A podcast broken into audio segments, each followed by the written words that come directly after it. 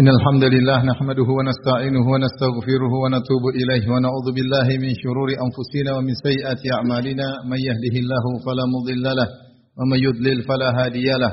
أشهد أن لا إله إلا الله وحده لا شريك له وأشهد أن محمدا عبده ورسوله لا نبي بعده.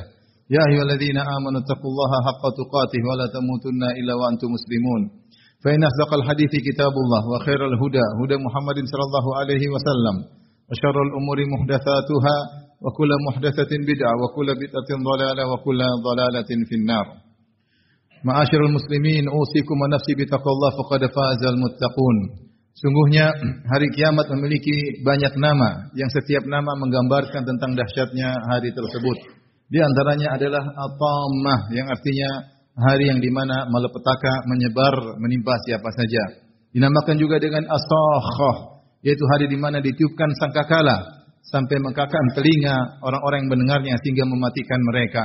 Disebut juga dengan Al-Ma'ad yaitu hari kebangkitan di mana manusia dikeluarkan dari kuburan mereka dalam kondisi hufatan, oratan, gurlan, buhman, tidak memakai alas kaki, tidak berpakaian, belum disunat dan tidak membawa apa-apa. Di antara nama hari kiamat adalah Al-Qari'ah. Al-Qari'ah artinya sesuatu yang menakutkan sampai merasuk ke dalam hati orang yang menghadiri hari yang sangat dahsyat tersebut. Dan di antara nama hari kiamat adalah Yaumuddin, itu hari pembalasan di mana setiap orang akan dibalas akan atas apa yang pernah dia lakukan selama di atas muka bumi.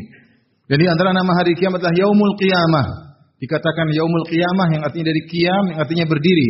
Karena ketika manusia dibangkitkan, mereka tidak bisa duduk, mereka tidak bisa berbaring, mereka terus berdiri, berdiri di bawah matahari dalam jarak satu mil, menanti kedatangan Allah Subhanahu wa taala untuk menyidang mereka satu demi satu. Dan di antara nama hari kiamat adalah Yaumul Hisab. Yaumul Hisab yaitu artinya seorang akan dihisab, diaudit oleh Allah Subhanahu wa taala atas apa yang dia lakukan dan atas nikmat-nikmat yang dia rasakan.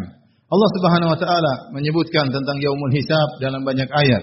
Di antaranya Allah berfirman, "Hadza ma tu'aduna li yaumil hisab." Ini yang telah dijanjikan kepada kalian untuk di hari hisab, di hari perhitungan kelak. Demikian juga Allah Subhanahu wa taala uh, berfirman tentang perkataan Nabi Musa, "Wa qala Musa inni uztu bi rabbi wa rabbikum min kulli mutakabbirin la yu'minu bi yaumil hisab." Kata Nabi Musa alaihissalam, "Aku berlindung kepada Rabbku dan Rabb kalian dari semua orang yang sombong yang tidak beriman dengan hari perhitungan." Demikian juga Allah menyebutkan orang-orang kafir yang mereka dengan sombongnya mereka berkata, "Rabbana ajjil lana qittana qabla ajjil lana qittana qabla yaumil hisab." Ya Allah, segerakanlah azab kepada kami sebelum datang hari perhitungan. Ini menunjukkan bahwasanya mereka tahu Rasulullah sallallahu alaihi wasallam sering mengingatkan mereka tentang adanya hari perhitungan. Dan Allah menyebutkan betapa banyak orang yang tersesat gara-gara tidak beriman atau lupa dengan hari perhitungan kata Allah Subhanahu wa taala innal ladzina yadhilluna an sabilillahi lahum adzabun syadidun bima nasu yaumal hisab. Sungguhnya orang-orang yang tersesat dari jalan yang lurus bagi mereka azab yang pedih karena mereka lupa dengan yaumul hisab dengan hari perhitungan. Ma'asyiral muslimin sungguhnya hari itu akan datang kepada kita dan setiap kita akan dihisap oleh Allah Subhanahu wa taala. Diaudit oleh Allah Subhanahu wa taala. Dimintai pertanggungjawaban oleh Allah Subhanahu wa taala. Apa yang akan diaudit dari kita? Secara umum yang diaudit dari kita yang dihitung oleh Allah Subhanahu wa taala dua perkara. Yang pertama adalah amalan yang kita lakukan, amalan-amalan yang kita lakukan. Yang kedua atas nikmat-nikmat yang kita rasakan. Adapun pertama tentang amalan-amalan yang kita lakukan, Allah Subhanahu wa taala berfirman, "Fa rabbika lanas'alannahum ajma'ina amma kanu ya'malun." Demi Rabbmu, Allah bersumpah dengan dirinya sendiri, demi Rabbmu, falanas'alannahum ajma'in. Sungguh kami benar-benar akan bertanya kepada mereka seluruhnya tanpa terkecuali, amma kanu ya'malun, atas apa yang mereka kerjakan. Adapun jenis kedua yang ditanyakanlah nikmat-nikmat. Allah Subhanahu wa taala berfirman, "Tsumma latus'alunna yawma idzin 'anil na'im." Kemudian sungguh-sungguh benar-benar kalian akan ditanya tentang nikmat-nikmat yang kalian rasakan. Ma'asyiral muslimin, adapun amalan yang akan ditanya oleh Allah Subhanahu wa taala adalah seluruh amalan yang kita lakukan. Di antaranya Allah sebutkan adalah tentang amalan mata amalan telinga dan amalan hati. Kata Allah Subhanahu wa taala, "Wa la taqfu ma laisa laka bihi ilm. Inna as-sam'a wal basara wal fuada kullu ulaika kana anhu mas'ula." Kullu ulaika kana anhu mas'ula. Kata Allah Subhanahu wa taala, jangan kalian mengikuti apa yang kalian tidak punya ilmu tentangnya. Sungguhnya pendengaran, sungguhnya penglihatan dan hati akan dimintai pertanggungjawaban oleh Allah Subhanahu wa taala. Ketahuilah setiap yang kita lihat, apa pun yang kita lirik, maka semuanya tercatat dengan detail. Dicatat oleh para malaikat yang tidak menyisakan sedikit pun. Ya, mali hadzal kitabi la yughadiru saghiratan wala kabiratan illa ahsaha. Kitab apa ini? Yang tidak meninggalkan apa pun kecuali dia catat. Yang besar maupun yang kecil tidak ada yang terluputkan.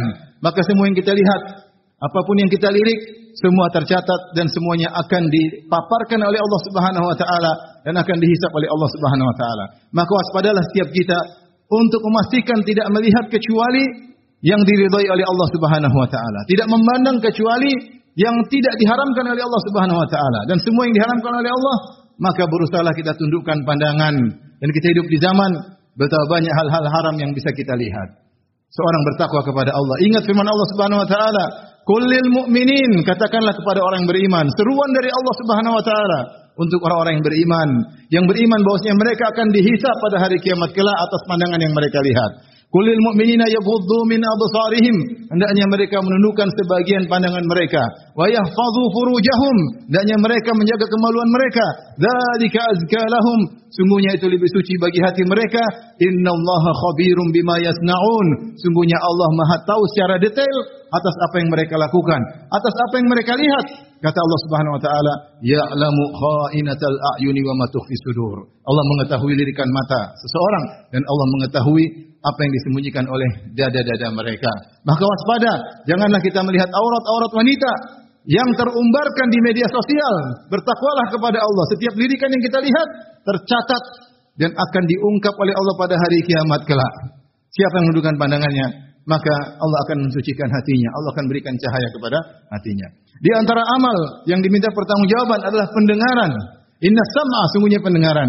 Kita hidup, kita mendengar berbagai macam berita yang kita dengar setiap hari. Maka tidak semua harus kita dengarkan.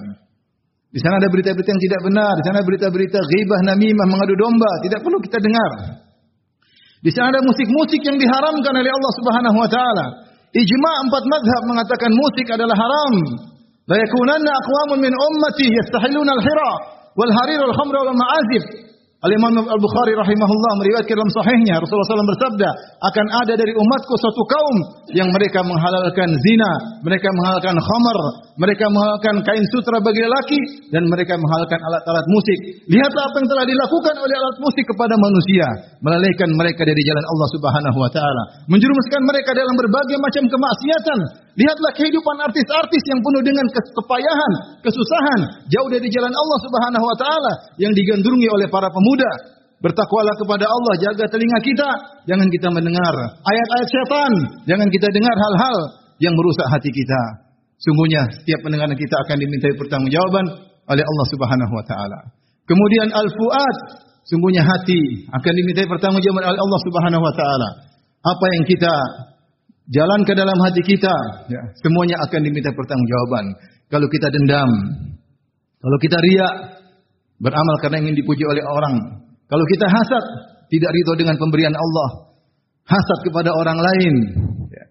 Semuanya ini akan diminta pertanggungjawaban oleh Allah Subhanahu wa taala. Semoga Allah bisa menjadikan kita kuat untuk menjawab pertanyaan-pertanyaan Allah Subhanahu wa taala. أقول قولي هذا أستغفر الله لي ولكم ولسائر المسلمين من كل ذنب وخطيئة فاستغفروه إنه هو الغفور الرحيم.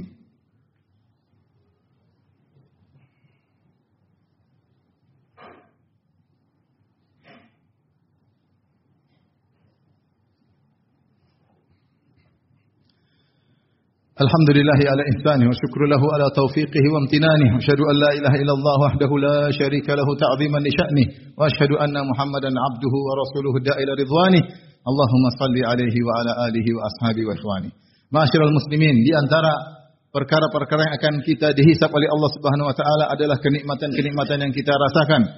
Kata Allah Subhanahu wa taala, "Tsumma latus'alunna yawma idzin 'anil na'im." Sungguhnya kalian benar-benar akan ditanya tentang nikmat yang kalian dapatkan. Dan nikmat yang kita dapatkan sangat banyak. Di antaranya ada empat nikmat yang akan kita ditanya oleh Allah Subhanahu wa taala. Rasulullah SAW bersabda, "La tazula lan tazula qadama 'abdin hatta yus'ala an arba." Tidak akan bergeser kedua kaki seorang hamba, tidak akan bergeser menuju surga dan tidak akan bergeser atau menuju neraka kecuali akan ditanya kepadanya tentang empat perkara. An umrihi fima afnah, tentang umurnya ke mana dia habiskan. Wa an syababihi fima ablah, tentang masa mudanya ke mana dia habiskan. Wa an, an malihi, tentang hartanya. Min aina tasabahu wa fima anfaqah, dari mana dia dapatkan hartanya dan ke mana dia habiskan. Wa an ilmihi fima amila bihi, tentang ilmunya. Apa yang sudah dia amalkan dari ilmunya.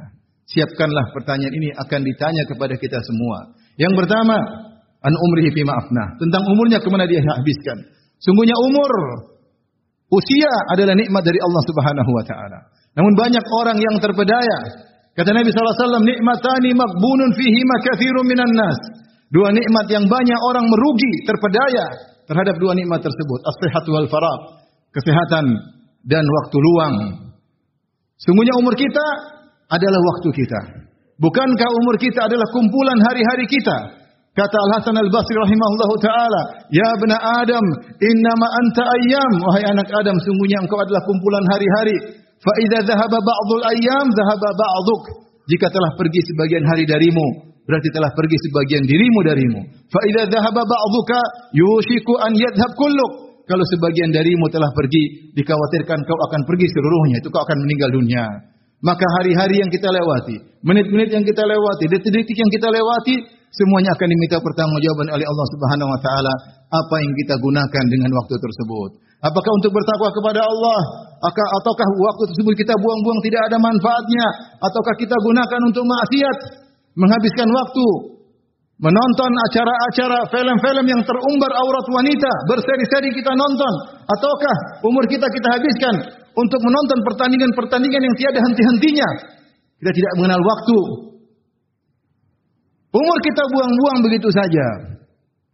Semuanya ada waktunya. Silakan nonton, ada waktunya. Kalau mau nonton pertandingan ada waktunya. Tetapi candu, kemudian menghabiskan umur untuk hal itu seluruhnya. Sementara Al-Quran tidak kita buka. Sementara tidak ada waktu untuk menelpon orang tua. Tidak ada waktu untuk ziarah ke rumah kakak, ke rumah adik. Tidak pernah kontak sama kak, tante dan om. Tidak sempat waktu untuk pergi ke masjid. Tidak sempat waktu untuk ikut pengajian. Terus apa yang mau kita jawab pada hari kiamat kelak? Ketika dibuka catatan amal kita, isinya semuanya pertandingan-pertandingan, film dan macam-macam berita-berita yang kita dengarkan yang mungkin manfaatnya sedikit lebih banyak mudaratnya.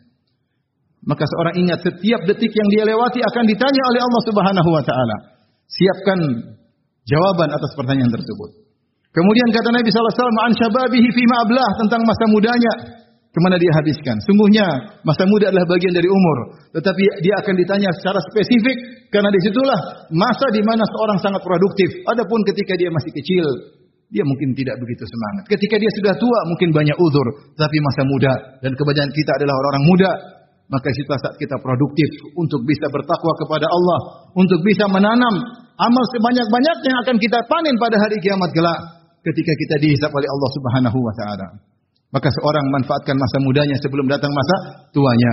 Kemudian tentang hartanya akan ditanya. Dua pertanyaan saja. Dari mana dia dapatkan dan ke mana dia habiskan. Pertanyaan pertama telah menggugurkan banyak orang dari mana dia dapatkan. Betapa banyak orang mengambil harta dengan cara yang haram. Dia tidak peduli. Kata dia yang halal adalah yang ada di tanganku. Yang haram yaitu yang aku tidak mendapatkannya. Sebagian orang mengatakan, jangankan yang halal, yang haram aja susah. Sehingga mereka menggampang-gampangkan untuk melakukan hal yang haram demi menggapai secercah harta. Maka bertakwa kepada Allah Subhanahu wa taala. Seorang mencari harta sebagaimana kata Nabi sallallahu alaihi wasallam, Jibril mewahyukan kepadaku, menyampaikan kepadaku, "Anna nafsan lan tamuta hatta tastakmila rizqahu." Hatta tastakmila rizqaha. Sungguhnya jiwa tidak akan meninggal sampai rezekinya sudah dipenuhi oleh Allah Subhanahu wa taala. Fattaqullaha wa ajmilu fit talab, maka bertakwalah kepada Allah, cari rezeki dengan cara yang benar, ya. Khudhu mahalla, ambillah yang halal. Wada'u maharum dan tinggalkan yang haram. Rezeki sudah ditanggung oleh Allah Subhanahu wa taala. Siapa yang berusaha, maka Allah akan berikan jalan baginya. Adapun jika seorang mengambil cara dengan rizki dengan cara yang haram, maka dia akan binasa pada pertanyaan pertama. Jikapun dia berhasil mendapatkan harta dengan cara yang halal, dia akan ditanya dengan pertanyaan kedua, ke mana dihabiskan? Wa fima anfaqah? Seorang jangan mentang-mentang ini harta dia kemudian dia gunakan seenaknya. Seluruh yang dia belanjakan akan dimintai pertanggungjawaban oleh Allah Subhanahu wa taala. Pastikan kita keluarkan uang pada perkara-perkara yang disyariatkan. Ada perkara-perkara yang dibolehkan oleh Allah Subhanahu wa taala. Adapun seorang menghabiskan uangnya pada perkara-perkara yang diharamkan atau perkara-perkara yang mubazir, maka dia akan sulit menjawab pertanyaan Allah pada hari kiamat kelak. Dan yang terakhir ditanya tentang ilmunya yang sudah dia belajar selama ini, apa yang telah dia amalkan dari ilmunya tersebut. Demikian, ma'asyiral muslimin, semoga Allah Subhanahu wa taala mudahkan kita untuk bisa menjawab pertanyaan-pertanyaan Allah pada hari kiamat kelak.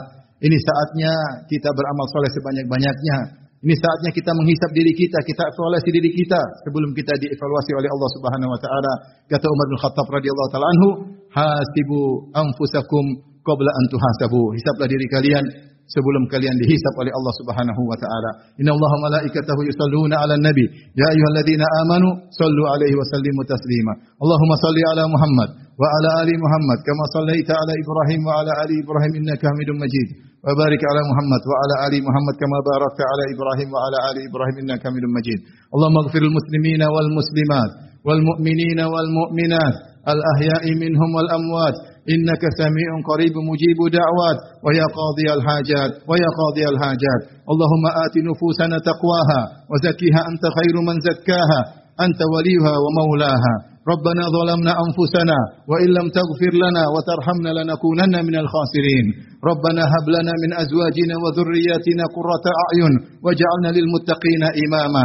ربنا آتنا في الدنيا حسنة وفي الآخرة حسنة وقنا عذاب النار وقنا عذاب النار وقنا عذاب النار وأقيموا الصلاة